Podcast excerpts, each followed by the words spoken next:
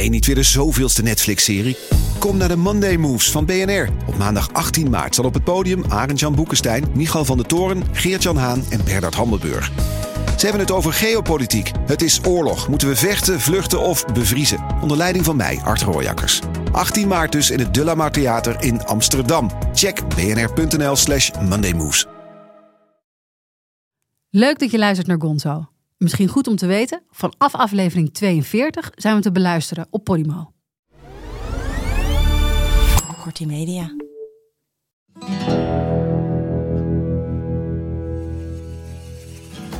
Hij heeft altijd rekening gehouden dat iemand op straat hem zou aanspreken of iemand hem zou herkennen. En dan staat er opeens, terwijl hij thuis zit en eigenlijk niet op voorbereid is, een tv-ploeg uit Nederland voor de deur. En hij weet binnen een seconde waarom dat is. Dit is het moment waar ik bang voor ben geweest. Nu word ik ontmaskerd. Dit is Gonzo, de podcast waarin we praten met journalisten over dat ene verhaal uit hun carrière dat ze altijd is bijgebleven. Dat kan zijn omdat het een scoop was, omdat het opzienbarend was, riskant, gelauwerd, hilarisch, ontroerend of onthullend. Of het was en is gewoon een goed verhaal. Mijn naam is Merel Westrik. Tegenover me zit Frans Lomans. Frans, we zijn er even tussenuit geweest. Ja, We zijn weer terug. Heb je het gemist? ik heb het verschrikkelijk gemist. Ik ben er bijna weer van aan de drank geraakt. Bijna. Eh, maar onderwijl wel mijn 38-jarig niet drinken jubileum gevierd. Maar dit was even kritisch. Gefeliciteerd. Ja, dankjewel. Hè. Maar we zijn terug. En hoe? Kijk, één journalist, één verhaal dat gepubliceerd moet zijn. We moeten het ergens gezien, gelezen of gehoord kunnen hebben. En al die verhalen en journalisten op rij vormen zo onze eigen, steeds groter wordende journalistieke Hall of Fame. Onze Hall of Fame wordt vandaag Ja. eh, uitgebreid met niemand minder dan Ton F. van Dijk. Goed je te zien, Ton. Dankjewel, het wederzijds. Ja, eh, Ton, je hebt ongelooflijk veel gedaan. Wat was je mooiste tijd? Is dat een, meteen een periode die bij je naar boven komt? Ehm, nou ja, ik denk dat elke tijd zijn, zijn mooie kanten heeft. Maar eh, inderdaad, helemaal in het begin, toen ik eh, verslaggever was bij eh, actualiteitsprogramma's en de hele wereld nog open lag. En je heel- allemaal verwachtingen had over hoe het zou gaan. En weinig zorgen, dat was natuurlijk een hele mooie tijd. Ja. En dat is ook de tijd waarin de F in jouw naam in Klopt. één keer. Ja. Ja, Leg, was ik een keertje- le- leg dan maar even uit Nou ja, ik was een hoe keer dat bij komt. eh, jou op bezoek eh, bij de geïllustreerde pers, een nieuwe revue, waar Frans toen werkte. En ik eh, ja, stukjes schreef af en toe. En toen kwam ik in de lift de grote Tom van Dijk tegen, een hele beroemde journalist, die later ook nog hoofdredacteur van Panorama is geworden. En ehm, die zei tegen mij, Ton, ik ben nu net hier gecomplimenteerd voor een verhaal wat ik niet heb geschreven. dus ik stel voor dat één van ons twee iets aan zijn naam gaat doen. En eh, ik stel voor dat jij dat bent, want ik was het eerst. Eh, dus toen heb ik, eh, ja, ik heet voluit Anthony Frederik Christian, de F erbij, Ton F van Dijk. En inmiddels ben ik eraan gehecht geraakt. Mensen noemen me ook allemaal Ton F.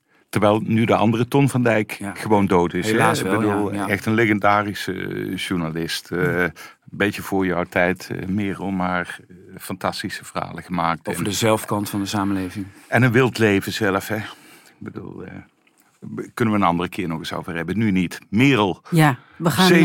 eh, beginnen met moet een... zeggen wat hij allemaal heeft gedaan. Exact, En- ga ik nu doen.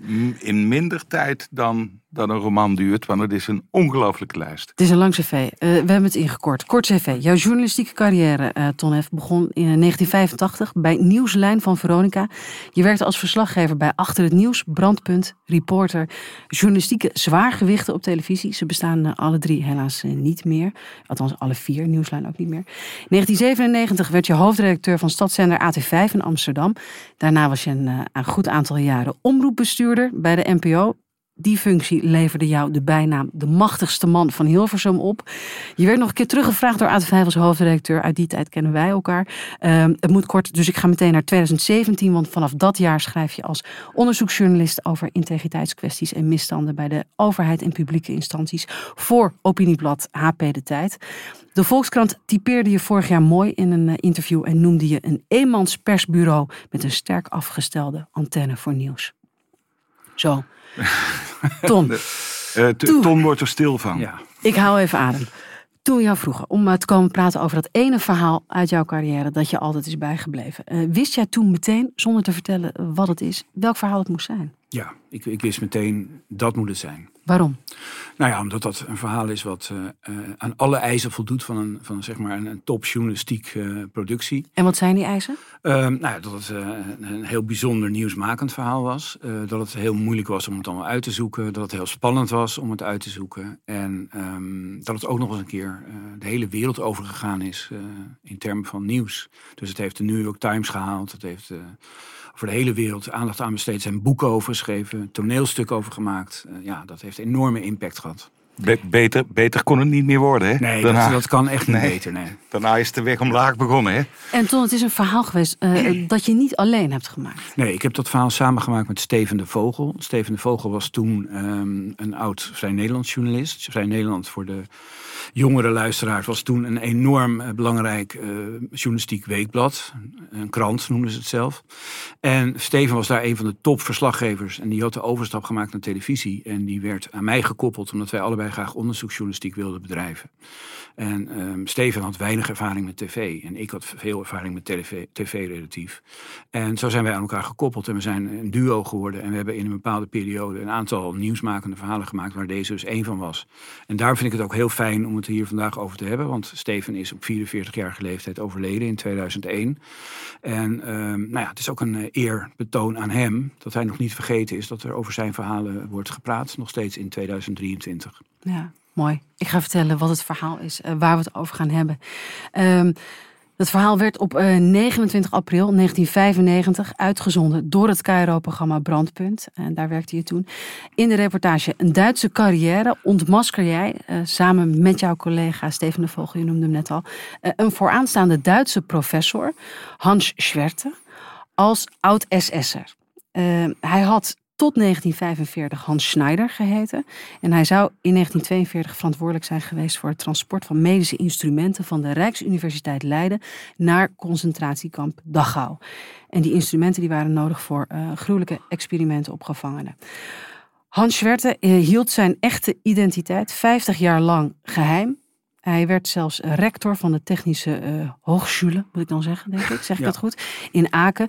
Uh, het is wat jij zegt, die ontmaskering uh, leidde tot grote ontsteltenis. En zelfs tot excuses ook van de Duitse regering aan het Nederlandse volk. Laten we bij het begin beginnen.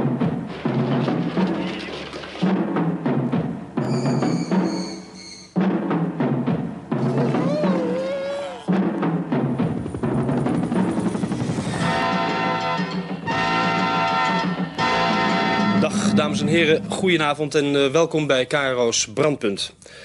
Deze week heeft hij zichzelf bij de Duitse autoriteiten aangegeven. Ik heb het over de voormalig rector van de Universiteit van Aken, Duitsland. Hij deed dat nadat Brandpunt hem had ontmaskerd als hoge SS'er. Hoe een topwetenschapper er 50 jaar lang een valse identiteit op nahield. Wat wilde die man verborgen houden? Speurtocht van Ton F. van Dijk en Steven de Vogel. Hoe kwam het verhaal tot je? Uh, misschien is het belangrijk om eerst even de tijdsgeest een beetje te schetsen. Steven en ik waren dus uh, als duo aan elkaar gekoppeld. En een van onze eerste verhalen was een verhaal over CDA-leider Elko Brinkman. en het commissariaat dat hij had bij een bedrijf waar zwart geld omging en nog wat onregelmatigheden waren. En dat, dat verhaal deed heel veel stof opwaaien. Maar voor ons was dat een extra probleem, want wij werkten bij de KRO. En wie was er de baas bij de KRO? Dat was Gerrit Braks, een oud CDA-minister.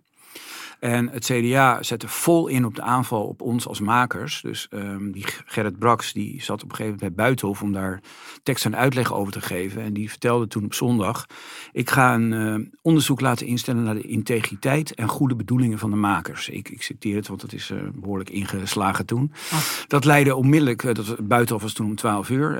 nou, dat leidde onmiddellijk op de redactie van Brandpunt, dat zondagavond uitzond, tot een crisisbijeenkomst. En uh, de beslissing door de redactie werd genomen. We gaan op zwart als uh, deze man dit niet terugneemt. Dus uh, s'avonds, vlak voor de uitzending van Brandpunt... heeft Gerrit Braks toen een persbericht doen uitgaan... waarin hij dat teruggenomen heeft. En toen is de uitzending van Brandpunt toch doorgegaan. Nou, waarom vertel ik dit? vervolgens kwamen er bij de KRO ja, zelfs een brandbom volgens mij naar binnen gegooid... en 19.000 leden opgezegd die allemaal boos waren. Allemaal uit CDA-hoek. En wij hadden dus een hele gespannen verhouding met Gerrit Braks. Ja. Maar ja, uh, een jaar later uh, kom ik een keertje bij Gerrit Braks op zijn kantoor. En om over iets anders te praten. en hij zegt opeens van, ik heb misschien uh, een, mooi verhaal voor je. um, Ja, Dat de- verwachtte je even niet. Zag je nee, even niet aankomen? Nee, Nee. zag ik niet aankomen. En ehm, nou ja, hij zegt, eh, ja, ik heb iets gehoord over een, eh, een Duitse hoogleraar, eh, waar misschien iets mee is. En misschien moet je eens met iemand gaan praten erover. En eh, misschien met die en die. En, nou ja.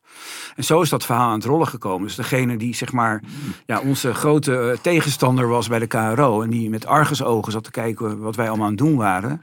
Werd die ineens wist jouw ons- tip gegeven. Die wisten ons ook te vinden toen Ja. er een verhaal naar buiten is. Dus dat, dat was ook wel heel mooi. Want daarmee Wel, wel een rehabilitatie van Ja, dat was- meneer Brax. Klopt. Toch? Dan, dan, Ja. dan weet je in ieder geval dat hij denkt dat het bij Ja. jou in goede handen is. Hij haalt er vertrouwen in. Ja. Ja. Ehm, dus nou ja, en zo, zo zijn wij met, met mensen gaan praten. En eh, toen bleek inderdaad dat er geruchten waren. Maar met wie ging je, Ja, met wie ging je praten? Nou, we kwamen terecht bij een, eh, een Belgische hoogleraar... die ook aan de universiteit in Duitsland eh, les gaf. Een Germanist. Professor Hugo Dieserink. En ehm, nou, daar hebben we eerst een heel lang gesprek mee gehad. En die heeft ons een beetje verteld, eh, vertrouwelijk natuurlijk... ehm, hoe, hoe eh, hij dacht dat het in elkaar zat, het verhaal. En Hoe dacht hij dat het in elkaar nou ja, zat? er was dus een, eh, een eh, oud rector van de universiteit, nog een van de belangrijkste Germanisten in Duitsland, die het standaardwerk over Faust had geschreven. Die ehm, met ministers op vakantie ging van de deelstaat Noord-Rijn-Westfalen, die het Bundesverdienstkreuz had gekregen. Dus een van de allergrootste literatuurwetenschappers uit Duitsland. Die zou eh, mogelijk, misschien wellicht, eh, een verleden hebben bij de SS. En eh, hoe het precies zat, wist niemand. Maar dat er iets was en dat er geruchten gingen en dat het op de universiteit speelde. Ehm, nou ja, en dat was voor ons zo eh, uitdagend eh, om te kijken of dat zou kunnen kloppen. Dat we er gewoon vol zijn ingedoken. En we hebben meer mensen gesproken van de universiteit, ook van, zeg maar, vanuit het buitenland. en, Wa- Was dat makkelijk om die mensen, mensen te spreken te krijgen? eh, nou, een aantal, zeg maar, had, had ook zelf zo'n zijn vermoedens. Dus dat waren mensen die dan wel graag met je wilden praten. En andere mensen natuurlijk totaal niet. Vijanden van hem? Ehm, ja, of het vijanden van hem waren. Ik weet niet. Als jij dus zeg maar weet dat iemand eh, misschien een verleden heeft waar hij over gelogen heeft. en je vindt dat dat aan de orde moet worden gesteld. ben je dan een vijand van iemand? Nee, ja, misschien ben je dan een vriend van de waarheid. Ehm, maar in ieder geval, ja, er waren in ieder geval een paar mensen die wel met ons wilden praten. En nou daar ontstond een beeld uit van dat er wel aanwijzingen waren eh, dat er misschien iets aan de hand was. En toen hebben we eigenlijk heel structureel gedaan wat, wat je als onderzoeksjournalist moet doen. Gewoon, wat is er over die meneer bekend? Wat heeft hij er zelf over gezegd? En kunnen we die feiten allemaal controleren? En dan begin je natuurlijk, zeker als het gaat om iemand die gelogen zou hebben over zijn verleden, bij een cv. Als iemand een officieel cv heeft en die zegt, nou ik ben daar geboren, en ik ben toen dat gaan doen en ik ben daar gepromoveerd en ik ben toen daar gaan wonen en ik heb die baan gehad. Voordat we het naar het journalistieke handwerk gaan van het, van het uitzoeken, eh Tom, wil ik toch even vragen: was het ook een tip waar je meteen eh, op aansloeg? Ja, W- waarom? Waar zat hem dat in?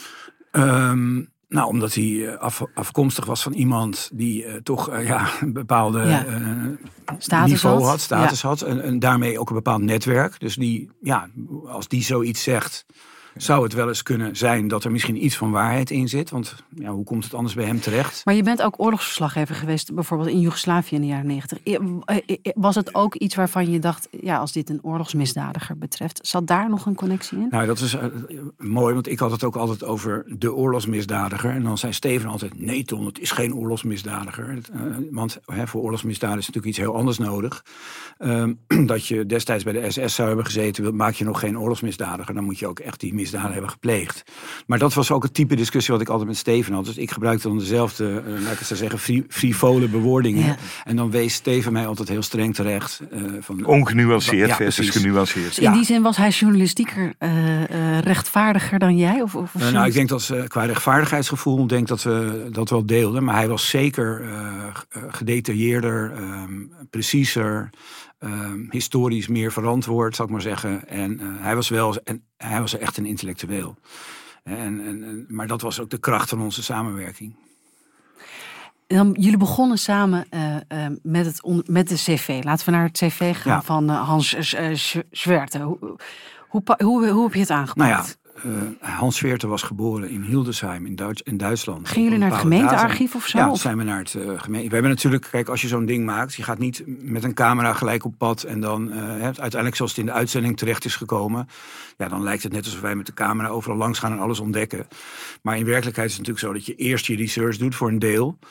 En dan, eh, als je dan denkt, we hebben beet, dan ga je nog een keer terug met de camera en dan reconstrueer je of vraag je door. En dan acte- acteer je het in zekere nou ja, zin voor een deel, soms zitten daar eh, geacteerde elementen in.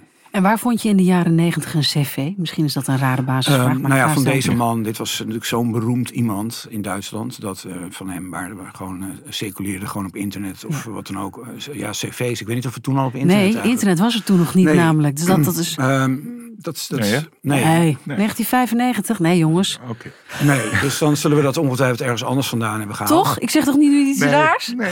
Nee, ik denk inderdaad. Nee, volgens mij haalden, haalden jullie het toen uit een soort wie is wie. Ja, eh, ik geloof dat hij in de, in de Duitse Wie is Wie stond. De wie is Eh, wie van de universiteit Weer misschien is wel. weer. Nee, echt gewoon Van de, de Duitsland. Duits- van Duitsland. Want hij was echt heel beroemd. Dus daar stond inderdaad een, een stuk over hem in. En daar stond dus ook in dat hij eh, geboren was in Hildesheim. Nou ja, toen zijn wij naar het bevolkingsregister gegaan. En wat bleek, ehm, de meeste bevolkingsregisters in Duitsland zijn eh, zoek sinds uit de Tweede Wereldoorlog. Want ja, veel bombardementen en zijn die ook in vlammen opgegaan. Maar toevallig Hildesheim niet. Dat is bewaard gebleven. En daar vonden wij een alleraardigste meneer die voor ons eh, heeft opgezocht. Hans Schweerte. En ja, eh, bij de S en de C en de H stond geen Schweerte van die datum. Dus hij zei, ja luister, eh, ik heb hier dat boek. Die naam staat er niet in. Hij is niet geboren in Hildesheim, wat hij zegt. En niet op er is die datum. Geen, nou, hij dat hij zei, er is niet. geen Hans Schweerte geboren Ja. op die datum in Hildesheim.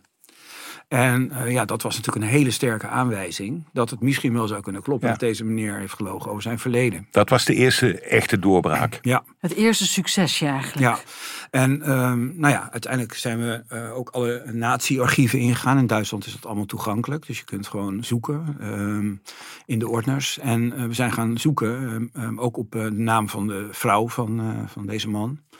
En ehm, nou ja, het bleek dus dat Annemarie Oldenburg, zoals zij heet, ehm, bleek eh, tijdens de oorlog getrouwd te zijn geweest met een SS-officier met de naam van Hans Schneider. Kijk. En ehm, nou, toen hebben wij dat dossier van die meneer Schneider bekeken. En ehm, ja, daar zat een foto bij van meneer Schneider in zijn SS-uniform. En toen konden wij een beetje kijken van zou dat dezelfde man kunnen zijn. Dat was nog steeds heel moeilijk, want inmiddels waren we natuurlijk ja, heel, heel veel verder. En het was een oude man, dus het was best wel moeilijk om Die foto's kon je niet identificatie te maken. Maar Nee. toch hadden we wel het idee, ja, het zou hem kunnen zijn.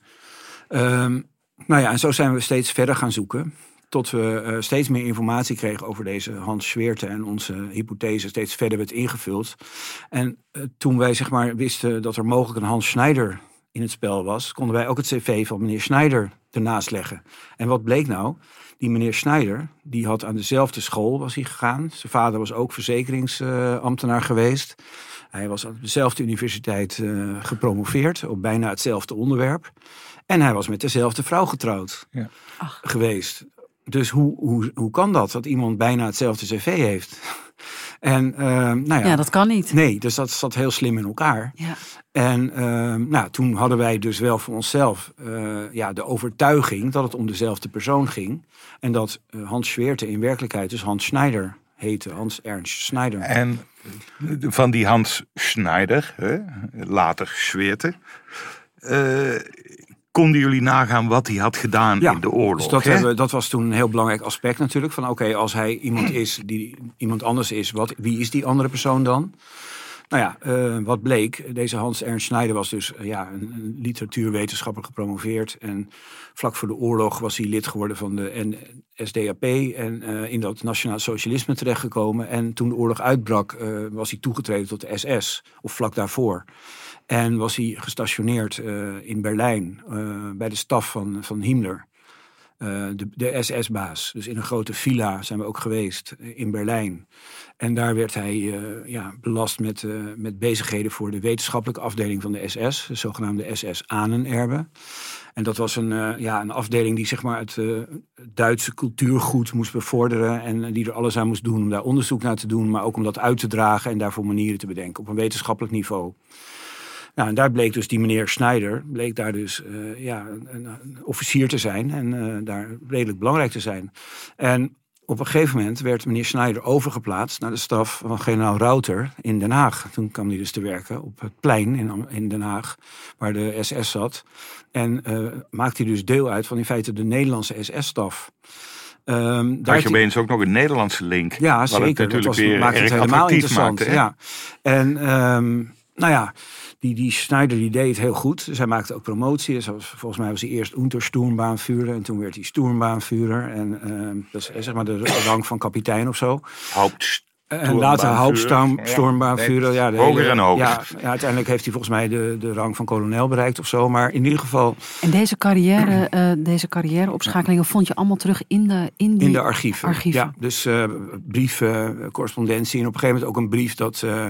Schneider werd teruggeroepen naar, naar Berlijn, waar hij weer voor Himmler aan de slag moest. En dan uh, schrijft ook Rauter dat hij heel goed werk voor hem heeft gedaan. In, uh, dat hij het jammer vindt dat hij weggaat. En dan gaat hij dus terug naar, uh, naar Berlijn. En, uh, ja, en dan zit hij zo hoog in de, in de SS dat hij hoofd wordt van de wetenschappelijke afdeling. Dus hij wordt verantwoordelijk voor dat hele stuk. En hij zit echt heel dicht bij Himmler. En wat deed die wetenschappelijke afdeling? Nou ja, dus uh, in eerste instantie was dat vooral bedoeld voor het volkscultuurgoed. Dus uh, ja, bij wijze van spreken over dansen en literatuur en noem maar op. Uh, liedjes en dat soort dingen. Maar ja, op een gegeven moment, uh, ja, het was de wetenschappelijke afdeling. En, en de SS was, uh, dat weten we allemaal, wetenschappelijk gezien een hele nieuwsgierige organisatie. Want die gingen namelijk allemaal experimenten uitvoeren op mensen. Wat ja. natuurlijk super verschrikkelijk is. En nou, daar kennen we Jozef Mengelen van. Dat was ook een uh, Hauptsturmbaanvuurder volgens mij. en uh, Sigmund Rascher, die in Dachau als arts dat soort experimenten uitvoeren op mensen. En als we het hebben over dat soort experimenten, dan gaat het. Misschien moeten we dat. Dat zijn. Ja, dus, kan je dat een beetje uitleggen? Wat voor experimenten ja, bijvoorbeeld wat, wat dus bleek, in het kader van de wetenschap ja, dan uit werden gevoerd? Wat dus bleek was dat uh, deze Schneider, die uh, was dus ja, hoofd van die wetenschappelijke afdeling. En zo had hij ook contact met al die artsen die wetenschappelijk onderzoek deden. In concentratiekampen? Ja, en die artsen die gingen hem dus ook vragen om, uh, ja, we hebben apparatuur nodig en spullen, kan jij dat regelen? En in die hoedanigheid heeft hij toen in Leiden en Utrecht uh, apparatuur in beslag genomen, die naar Dachau is gebracht. En om wat voor apparatuur ging het? Ja, dan? nou dat, dat, dat weet ik niet precies, maar ik weet wel dat, um, daar wil je naartoe, wat, wat gebeurde er dan in Dachau? Nou, uh, dat, dat zijn de Schweckverzoeken, de, de, de, de, ja, de experimenten met mensen, waarbij ze bijvoorbeeld iemand in een ijsbad leggen en dan kijken hoe lang je het vol kan houden. Dus het is niet een experiment wat je kan overleven. Het is juist de bedoeling dat je doodgaat en kijken wanneer dat gebeurt. Ja. En er waren ook drukcabines en, uh, om dus voor, voor vliegers en zo uit te zoeken wanneer, op welke hoogte en met welke druk kan je als mens nog overleven. Nou, dan werden er gewoon gevangenen genomen, die werden ingestopt. En dan gingen ze net zo lang door tot die persoon overleed. En uh, daar zijn ook foto's van. En die hangen nu ook in Dachau. Als je daar naartoe gaat, dan ja. uh, kan je dat ook zien. Ja, dat is verschrikkelijk. Ja, dat zie je dus, foto's, ja. Dan zie je dus die, die, die uitgemergelde, uh, kale gevangenen in zo'n streepjespak. In zo'n apparaat zitten. En ja, dat moet, dat moet verschrikkelijk zijn geweest. En daar hebben dus Duitse artsen, of een Duitse arts, heeft daar bijgestaan en dat bewust gedaan. Nou goed, en die arts, dat was... Met apparatuur, geregeld, ja, dat, nou ja, door... Ja, of dat zeg maar één op één hetzelfde apparatuur, waarschijnlijk maar, wel. Ja. En um, nou, die Sigmund Rascher zat dus ook in de SS. En dat was dus gewoon ja, een soort uh, maatje van deze uh, Schneider. En die vroeg dus, regel jij voor mij die apparatuur? Nou, en Schneider heeft dat gedaan. Heeft dat in Nederland in beslag genomen naar Dachau naar te brengen. Um, of hij wist waar het voor gebruikt werd. Ja, daar zijn geen bewijzen van gevonden. Maar goed. Um, maar hij zorgde er dus voor dat die spullen ja, naar ja, die ja. kampen werden. naar die artsen in die kampen En dat is natuurlijk ook waar oorlog over gaat. Of vreselijke misdaden tegen de menselijkheid. Het is nooit één iemand die zoiets doet. Want die persoon heeft weer spullen nodig. En heeft weer, dus er zijn allerlei mensen die aan meewerken. En de mate waarin die mensen op de hoogte zijn van wat ermee gebeurt. Ja, dat is nooit 100% duidelijk. Maar dat je zoiets alleen kan doen. Zo'n enorme misdaad plegen met, met meerdere mensen. Uh, dat is wel duidelijk. Dus deze Schneider, dat was gewoon ja, een, een, een, hoge SS'er. Die echt ideologisch gezien uh, heel dicht bij dat gedachtegoed stond. En ja, toen was het voor ons zaak van... oké, we weten nu wie Schneider is. We weten dat hij hetzelfde cv heeft ongeveer als de heer Sveerte. We weten dat hij uh, met dezelfde vrouw uh, getrouwd is geweest, of was. En we weten ook dat Hans uh, Ernst Schneider, toen de oorlog afliep... ja, het was het in Berlijn een puinhoop... En um, toen heeft hij zeg maar de, de rokende uh, villa's die daar waren en, en, de stad verlaten. En heeft hij zijn uniform ergens uitgedaan, uh, een burgerkleding aangedaan. En heeft zich toen ergens gemeld. bij een geallieerde instantie of wat dan ook. Dat hij zijn paspoort kwijt was. En, dat hij een burger was. En, en, en, nou zijn vrouw had hem als vermist opgegeven. Ja, zijn vrouw had hem als vermist opgegeven. Zelfs als overleden eigenlijk, geloof ik zelfs. En uh, die, dus de Schneider, ja, daar is nooit meer naar gezocht, want die was dood. En er, de, er meldde zich iemand die Sfeer te heten in een gewoon uh, burgerpak. En uh, ja, die heeft toen uiteindelijk een identiteit gekregen. Want ja, er waren natuurlijk heel veel mensen die geen paspoorten hadden in die tijd. Dus, uh, meneer dat kon je in een oorlog wel eens kwijtraken. Ja, ja natuurlijk. Ja, als je huizen uh, afbrandt of wat dan ook, ben je alles kwijt. Dus hij had een, een, een, geloofwaardig vluchtverhaal als burger opgehangen. En daar is men ingetrapt. En zo is hij, zoals heel veel Duitsers, en daarom het verhaal ook een Duitse carrière uh, uit die tijd, de dans ontsnapt. Um, kijk, hij als, als hoge SS-officier op zijn niveau, uh, los van het feit dat hij geen ofwel oorlogsmisdaden heeft gepleegd, maar hij had zeker een tijd geïnterneerd gezeten en was zeker heel goed gedebriefd en noem maar op. Ja, als ze hadden geweten wie hij was, als hij geen uh, nieuwe identiteit, dus een nieuw paspoort uiteindelijk had gekregen, wat was er dan met hem gebeurd? Denk nou ja, ik denk dat hij dus in ieder geval een tijd vast had gezeten en dat uh, zijn carrière daarna natuurlijk ook heel moeilijk was geweest, want dan was hij altijd die foute uh, SS-officier gebleven. Ja. Hoewel dat in Duitsland natuurlijk meer mensen waren. Maar dan had je bij wijze van spreken niet in de politiek of in zo'n politieke omgeving als waar hij gefunctioneerd heeft, meer kunnen functioneren als oud-SS'er. Ja. Dus dan was zijn, zijn leven heel anders gelopen.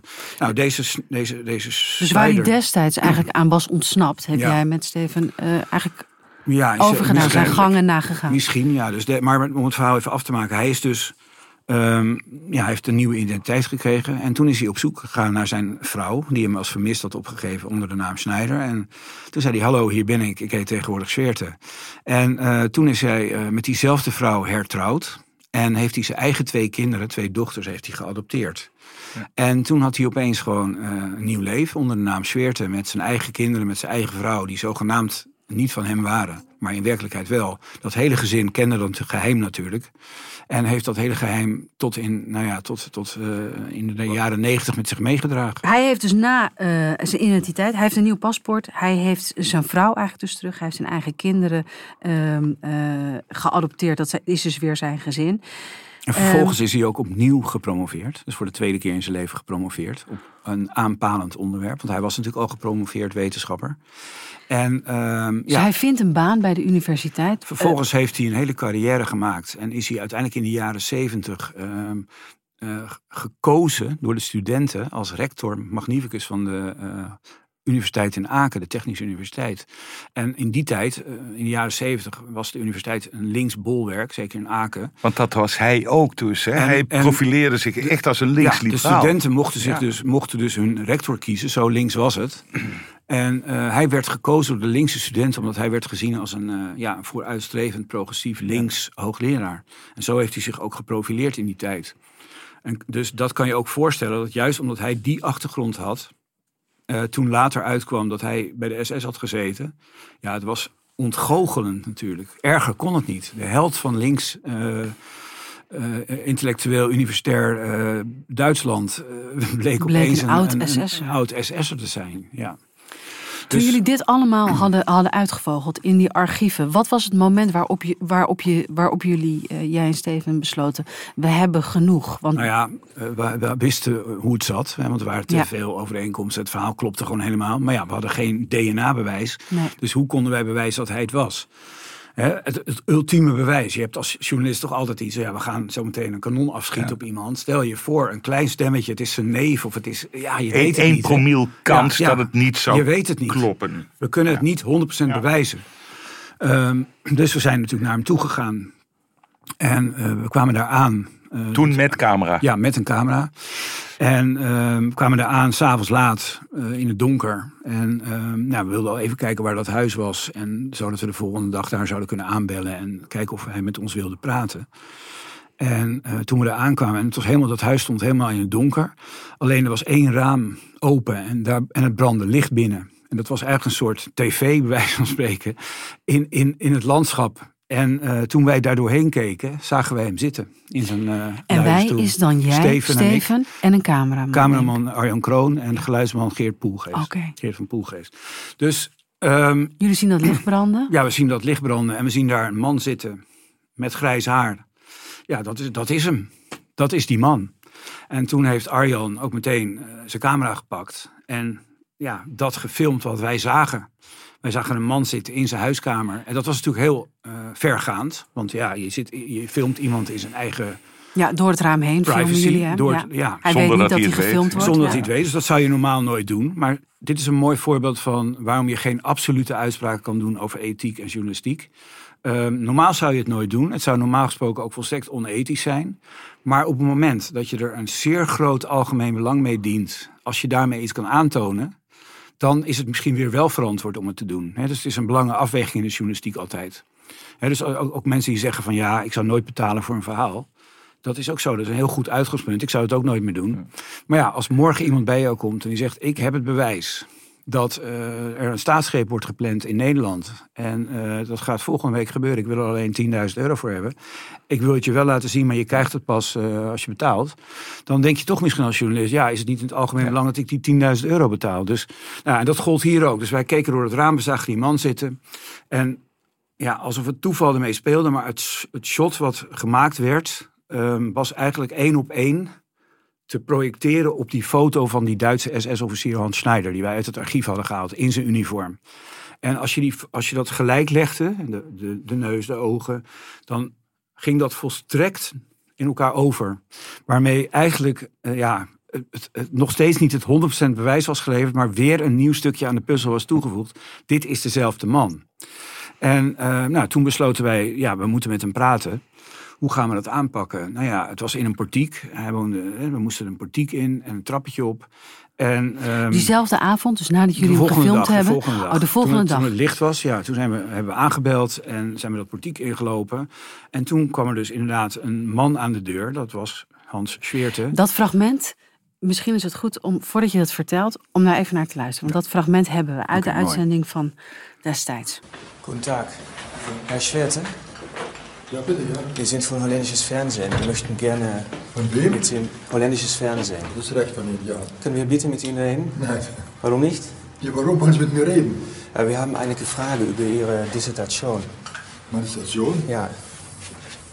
Bitte, macht Sie. Je hoort aan het eind uh, de deur dichtklappen. Klopt. Uh, in jullie gezicht. Jullie, jullie bellen daar aan. Hoe sta je daar op dat moment uh, met Steven en je cameraman en geluidsman voor de deur? Ja, heel spannend natuurlijk, want ja, dat is een heel belangrijk moment. De confrontatie en mogelijk ook de bevestiging van wat je denkt. En dan is je verhaal rond of niet. Hè? Stel dat hij zegt, nee, dat is mijn neef, kan ik aantonen. Mm. Ja, dan is alles weg. Um, ja, en uh, wat dachten, gebeurde er? We dachten, wat moet je vragen ja. als, je, als je zegt waarom je daar staat? En we, kijk, het was ook te riskant om zonder camera eerst te gaan. Want ja, stel dat hij de deur dichtgooit, dan doet hij hem daarna nooit meer open. Ja. Nee. Dus we dachten, ja, we moeten gelijk met een draai in de camera en dan maar zien wat er gebeurt. Het was wel zo, het was in een portiek, dus de cameraman stond iets naar achteren, waardoor het niet... Maar ja, goed, hij deed de deur open, hij zag ons. Uh, we waren van de Nederlandse televisie, dat zeiden we ook. En we zeiden, we hebben een vraag over uw proefschrift. Wat ook zo was, want hij had twee keer was hij gepromoveerd. Dus wij wilden wel even weten hoe dat zat. Um, ja, en hij, dit is natuurlijk, deze man heeft 40 jaar lang met een groot, gigantisch groot geheim geleefd. En hij is altijd bang geweest voor uh, 50 ton? 50, ja, precies. Nou, 50. Ja. En hij is altijd bang geweest voor, um, voor de ontmaskering. Hij heeft altijd rekening gehouden dat iemand op straat hem zou aanspreken of iemand hem zou herkennen. En dan staat er opeens, terwijl hij thuis zit en het eigenlijk niet op voorbereid is, een tv-ploeg uit Nederland voor de deur. En hij weet binnen een seconde waarom dat is. Ja. Dit is het moment waar ik bang voor ben geweest. Nu word ik ontmaskerd. Zag je dat aan hem? Um, nou ja, het ging zo snel. Ik zal, het was een beetje donker. Ik zal niet zeggen dat ik de angst in zijn ogen zag. Maar je kan je er alles bij voorstellen dat, dat het moment was. Een, ja. Je voelde dat hij het ja, wist. We wisten en dat het, het alles ja. klopte. Ja, dus en het feit dat hij de deur dichtgooide. En het, was, het klopte natuurlijk helemaal. Eh, want normaal gesproken, stel jij bent een gevierd hoogleraar. En er staat een tv-ploeg uit het buitenland voor je deur. die een vraag heeft over jouw proefschrift. Dan zeg je, kom binnen. binnen. Ja, hier is de Wat koffie. leuk dat u de aandacht aan besteedt. Ja. Die zouden misschien ook wel van tevoren even gebeld ja, hebben. dat wel, maar bewijs van spreken. Ja, hè. Je zou ja, niet ja. uh, meteen de deur Nee. dichtgooien en noem maar op. Nee, dus die dichtslaande deur in die zin was een, Ook het weer- bewijs. Nou, niet, ook Een weer niet bewijs. het bewijs, maar weer een stukje van de puzzel. Ja. Waardoor we zeg maar op 99,9% zekerheid zaten dat dit eh, klopte. En dat deze meneer dus, eh, die Hans R. Snijder was in werkelijkheid. Nou, toen zijn we eh, teruggekeerd naar Nederland. En ehm, zijn eh, het in elkaar gaan zetten, montage. Nou, je moet je voorstellen, het was een uitzending van een half uur. De norm bij tv is ongeveer dat je een minuut per uur monteert, hè, gemiddeld. Dus dan moet je je voorstellen dat je toch een hele week te- in de montageruimte om het allemaal beeld voor beeld achter elkaar te zetten. En- Destijds nog lineair monteren. Ja, dus precies. vind ik Ja, toch ja. voor televisiejournalisten is dat wel is Ja, tegenwoordig hadden ondenkbaar. klopt. Maar destijds was het ieder Ja. fragment wat je legt kan niet meer verplaatst nee, worden. Nee, dan moest je het dan zijn je beginnen. kopiëren en dan kon je het misschien maar. En dan ging er was er gelijk kwaliteitsverlies natuurlijk Ja. als je het kopieerde. Dus je moest van tevoren spotten, precies weten dus wat dat je was legde. ook, eh, kijk, dat was ook. eh, ik, ik was dan degene die het draaiboek maakte, het montagedraaiboek. Dus alle teksten, wanneer de quotes kwamen, eh, wat voor beeld erbij, wat voor- enzovoort. En Steven die was heel erg in die tijd. eh, natuurlijk, hij kwam van de krant. Hij was gefascineerd door tv en eh, die was heel erg visueel bezig met tv en alles wat daarmee te maken had. Dus Steven had allemaal beelden gemaakt in de sociëteit in Hilversum. Had hij eh, bij de eh, afdeling decorstuk had hij SS-uniform opgevraagd en had hij een hele ruimte ingericht. Waar, eh, waar we beelden konden maken, waar we vervolgens teksten overheen konden projecteren enzovoort. En, en nou, dat werkte ook heel goed in die uitzending. En ik was meer degene die dan inderdaad het draaiboek schreef en het aan elkaar het verhaal vertelde. Nou ja, en dan gingen we het monteren. En terwijl we bijna klaar waren, eh, opeens krijgen wij, komt iemand die montageruimte binnen en die zegt: is een telefoontje voor jullie eh, van iemand uit Duitsland. Dus eh, nou, Steven was van ons veruit degene die het eh, beste Duits sprak. Dat zinnetje wat je net hoorde, dat was ik. Maar ik weet niet eens of de naamvallen goed waren. Maar in ieder geval, Steven was daar echt heel goed in. Dus ja, iemand uit Duitsland aan de telefoon. Dus Steven nam de telefoon op. En, maar we hadden wel gelijk de, de tegenwoordigheid van geest om een opnameapparaat aan te zetten. Want we dachten, ja, je weet het nooit. En toen bleek het dus meneer Schweerter zelf te zijn, die aan de telefoon hing. En ehm, Wat vertelde hij? hij zei van, ehm, jullie zijn eh, bij mij aan de deur geweest en ik wil je even laten weten dat eh, ik eh, gisteren of, of zoiets, ehm, heb, ik een, heb ik mezelf aangegeven bij de autoriteiten. Ik ben naar de autoriteiten gegaan. Ik heb het hele verhaal opgebiecht. Ik heb eh, mijn eh, onderscheidingen ingeleverd. Ehm, en ja, het, eh, het verhaal is klaar. En, ehm, en jullie hebben mij kapot gemaakt. Dus dan weten jullie dat. Dat was ongeveer wat hij zei. En eh, Steven heeft nog allerlei vragen gesteld. U hebt me flink de grond ingetrapt. Richtig Eh, kapot gemaakt of zoiets? Ja, Ja, nee, zoiets. Dat, was, eh, Ehm, dat dus- was het zinnetje. Ja, maar het Ja. was natuurlijk, ja, het was absurd. Want het was gewoon een gesprek wat volgens mij minuten geduurd heeft. Waar hij ook nog vragen ging beantwoorden. En ook dingen ontkende dat hij verkeerde dingen had gedaan. En hij had toch zijn hele leven lang, was toch het bewijs geweest van zijn rehabilitatie. Hij was, eh, als je als zijn leven had gezien, dan wist je dat hij niks meer mee te maken wilde hebben. En ehm, hij had van die apparatuur, daar wist hij niks meer van. Dat hij dat had gedaan. En eh, dat kon niet waar zijn. En eh, ja, hoezo? En nou ja, hij wist, hij wist de klassieke Duitse verweer.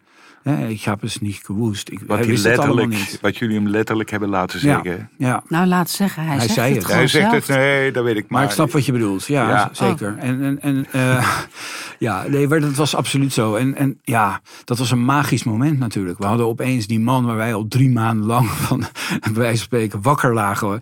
Ehm, en waar we dag en nacht mee bezig waren. Waar we alles voor aan de kant hadden geschoven. Wij spreken al onze privélevens en alles. eh, om maar dit verhaal rond te krijgen. En opeens hebben we die man aan de telefoon. En eh, gaat hij ook nog bevestigen dat het allemaal klopt. En dat hij zichzelf heeft aangegeven. Nou ja, toen was voor ons het verhaal rond. En het was een enorm cadeau. En toen konden we dus aan het eind van die uitzending... konden we dus ook dat telefoongesprek laten horen. Waarmee het eh, verhaal ook 100% rond was. Ja. En eh, ja, toen gebeurde er nog iets fantastisch. Want op de dag van uitzending ehm, kregen wij eh, een telefoontje, volgens mij uit de dienstauto van de bondspresident van Noord-Rijn-Westfalen, Johannes Rauw, een hele beroemde Duitse politicus. En die zei, ja, ik heb gehoord dat jullie daarmee bezig zijn en dat die uitzending eraan komt. Ik wil je laten weten, jullie krijgen zo per fax een verklaring. En het zou fijn vinden als jullie die aan, de, aan het eind van de uitzending willen voorlezen. En eh, nou, toen kregen we inderdaad over de fax. Voor mensen die niet weten wat het is. Het is een soort printer waar een papiertje uitkomt waar tekst op staat. Een soort e-mail. Een soort e-mail, maar dan eh, gewoon papier. eh, met een rolletje papier. En, ehm, Ja, d- toen kregen wij dus die verklaring. En daar stond in, ja, ik heb gehoord dat eh, jullie dit gaan eh, brengen. Nou, deze meneer Zweert, eh, ik, wij wisten dit allemaal niet. En het is allemaal verschrikkelijk. Want wat was met name ook nog pijnlijk? Dat na de oorlog was die Zweerte dus zo beroemd geworden in Duitsland... dat hij ook nog eens een keer door Johannes Rauw was aangewezen... als zijn vertegenwoordiger voor Nederland en België. Uitgerekend de landen waar hij als SS'er had gezeten werd hij nu aangewezen als eh, ja, vertegenwoordiger van de bondspresident op wetenschappelijk niveau. En eh, dus die Johan- Johannes Rauw was enorm gecompromitteerd door deze kwestie. En bood uiteindelijk schriftelijk zijn excuses aan aan het Nederlandse volk. Ja, dat was natuurlijk, ja, als je het hebt over een, een journalistiek verhaal. Ja, hoe verzin je het? Dit, dit Ja. kan niet mooier en beter. Nou, eh, mag ik dan toch één kleine, eh, toch als eh, Zeker. kritische journalistiek kanttekening plaatsen. Ik, het lijkt me één ding wel een beetje onbevredigend. Want jullie, hij ontkent destijds iets geweten te hebben van die medische experimenten in Dachau. Ja. Wij zijn, wij hebben natuurlijk, wij zijn op bezoek geweest bij de eh, officiële aanklager ook. Dat zit ook in die uitzending. Want wij hebben natuurlijk onze bevindingen voorgelegd aan eh, ja, de officier van justitie. die belast was met het eh, onderzoek naar de oorlogsmisdaden. Ja.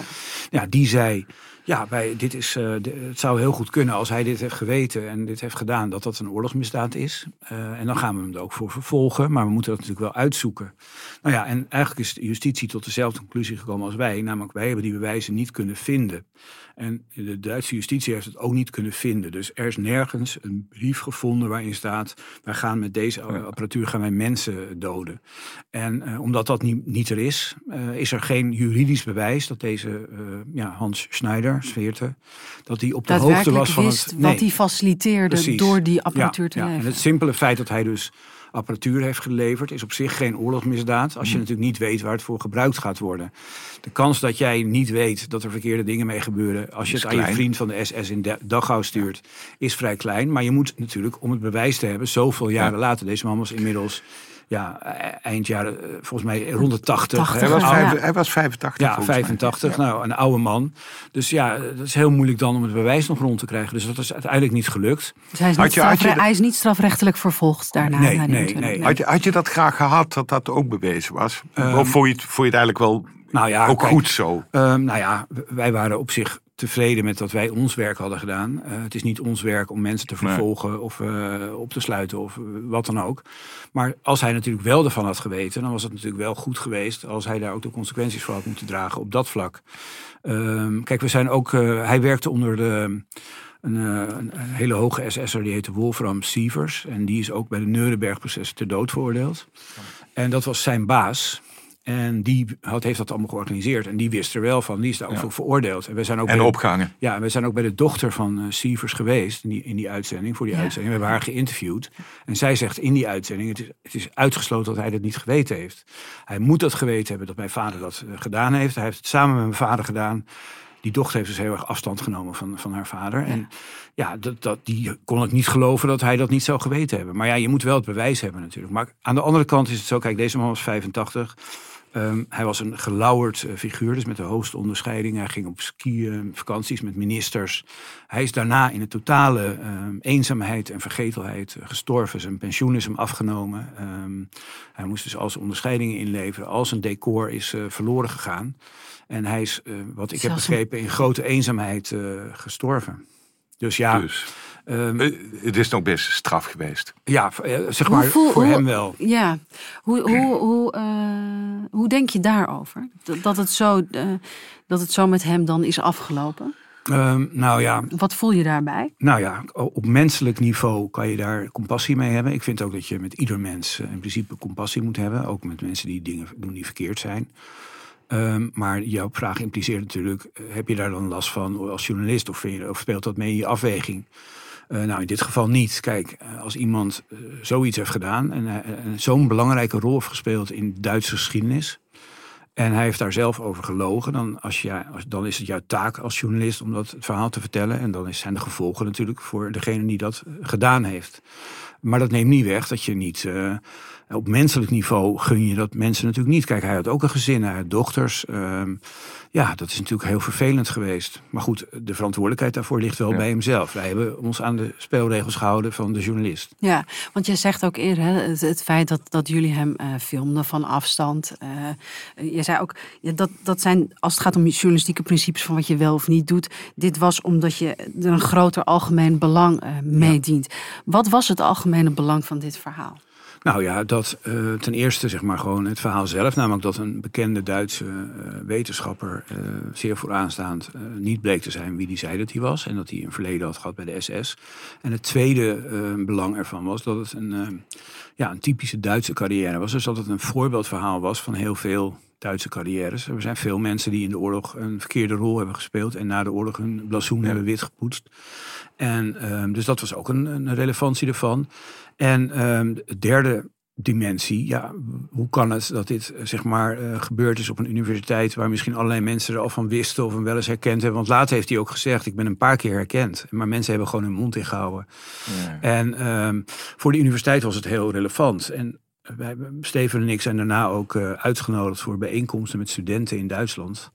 En eh, nou, ik heb nog nooit zulke emotionele eh, situaties meegemaakt. Daar Wat was de emotie? Wat, wat was zat- de nou ja, wij kwamen daar in, in, in zeg maar, ja, aula's. En er zaten helemaal vol met studenten en, en professoren en noem maar op.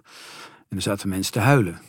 Dat was, het, was, het was ontluisterend wat, wat, wat dit betekende voor, voor de Duitse uh, Hoe heeft, dit, wereld. hoe heeft dit kunnen ja, gebeuren? mensen waren, waren verbijsterd. En ehm, ja, eh, ik, je moet je maar voorstellen dat een, een Nederlander die wij allemaal heel graag mogen en die een bepaald imago heeft, eh, blijkt opeens een hoge SS'er te zijn geweest. Ja, dat, dat, dat is absurd. En eh, dus de emoties liepen heel hoog op. En, eh, want ook omdat dit dus een typisch Duits verhaal is, eh, maakte het heel veel los bij de mensen in Duitsland. Hoe heeft dit kunnen gebeuren? Wie heeft er zijn mond ingehouden? Wie zit er in het complot? Wat, wat zegt dit over ons als Duitsers? Dat, dat deze man deze carrière heeft kunnen maken. Dus het riep zoveel vragen op. Dat, ehm, ja, dat, dat was heel indrukwekkend. Hoe vaak denk je nog terug aan dit verhaal, Ton? Nou, het is niet zo dat ik daar dagelijks mee bezig ben. Nee, nee. Ik, denk nog veel aan Steven. En eh, dat geldt voor alle mensen die met Steven gewerkt hebben. Het was een heel bijzonder iemand. En eh, ja, daar, daar denk ik nog veel aan. En als ik eh, mensen tegenkom uit die tijd van die redactie. Want, eh, dat, dat was echt ook een hele mooie tijd dat we daar met z'n allen bij die poorten zaten. En dat, dit soort verhalen maakten. En die mensen zitten, zoals Dirk-Jan Roeleven, die, die die mooie andere tijden sport maakt tegenwoordig en zo. Nou, als wij elkaar tegenkomen, gaat het altijd over Steven. En, en iedereen heeft hetzelfde van, wat was dat bijzonder? En wat was hij een bijzonder iemand? En eh, zo iemand zijn we ook nooit meer tegengekomen in de journalistiek. Dus, Mis je ook dat journalistieke duoschap? Want je werkt nu nou nee. alleen. Nee?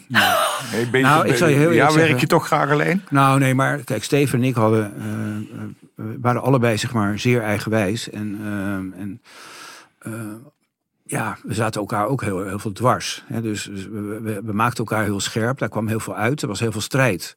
Maar dat betekent ook als je alles samen doet. Ja, het is een soort huwelijk Ja. eh, waar eh, heel veel strijd is. Ja, dat kost ook heel erg veel energie. Dus ik was na vier jaar, ben ik naar AT5 gegaan. Ik was toen klaar ermee. Want ja, het stond Je was, je was klaar met, met Steven. Nee, en maar- niet op de manier nou, van met Steven, dat het maar ook met, eh, stond toen in de krant geloof ik, geloof dat Fitz Abrams dat schreef. En nu Hans van Mierlo zo, nadat we Lubbers hadden gedaan en Brinkman en ja, ja. En toen had ik zoiets van, ja, nee, nee, weet je, ik, ik, voor mij is het even goed zo. Maar, maar ook die relatie met Steven, er zat heel veel strijd in. Dus, maar dat neemt niet weg dat, dat Steven eh, ja, een enorme plek in mijn hart heeft. En dat, eh, dat het een hele bijzondere tijd was. En dat iedereen die met hem gewerkt heeft. En daarom vind ik het ook fijn om dit verhaal te mogen vertellen bij jullie omdat, eh, ja, het- voor mij is het dus een heel groot eerbetoon aan een, aan een hele bijzondere journalist die ik in mijn carrière heb meegemaakt. En dat geldt voor, denk ik, al zijn collega's. Ja. Mooi. Is er nog een los eindje in dit verhaal? Of is het... Nee, volgens mij hebben we alles verteld. Kijk, eh, daarna, is- wat ik al zei, daarna eh, eh, ja, hebben alle grote eh, media eh, over dit verhaal bericht. Eh, van Der Spiegel tot en met de New York Times. eh, El País, eh, noem maar op. Oh, Door heel Europa, de hele wereld over is het gegaan. Er zijn meerdere boeken over geschreven volgens mij. En ehm, er is ook een toneelstuk over gemaakt over deze zaak. Ja, dit is echt in de Duitse geschiedenis een, eh, een heel groot verhaal. Wat ook staat dus voor, voor meer. Dankjewel, Tom. Dit was Gonzo. Ik ben er nog een beetje stil van. Best, best een, eh, een indrukwekkend verhaal, zacht, zacht uitgedrukt. Ja? Vond ik ook. Mijn naam is Merel Westerik. Tegenover me zit Frans Lomans. En mocht je nog vragen hebben of suggesties, mail dan vooral naar gonzo.kortimedia.nl. Uh, laat een recensie achter, vooral zouden we leuk vinden. Dan is Gonzo ook uh, beter vindbaar voor andere luisteraars. Volgende week weer een goed verhaal.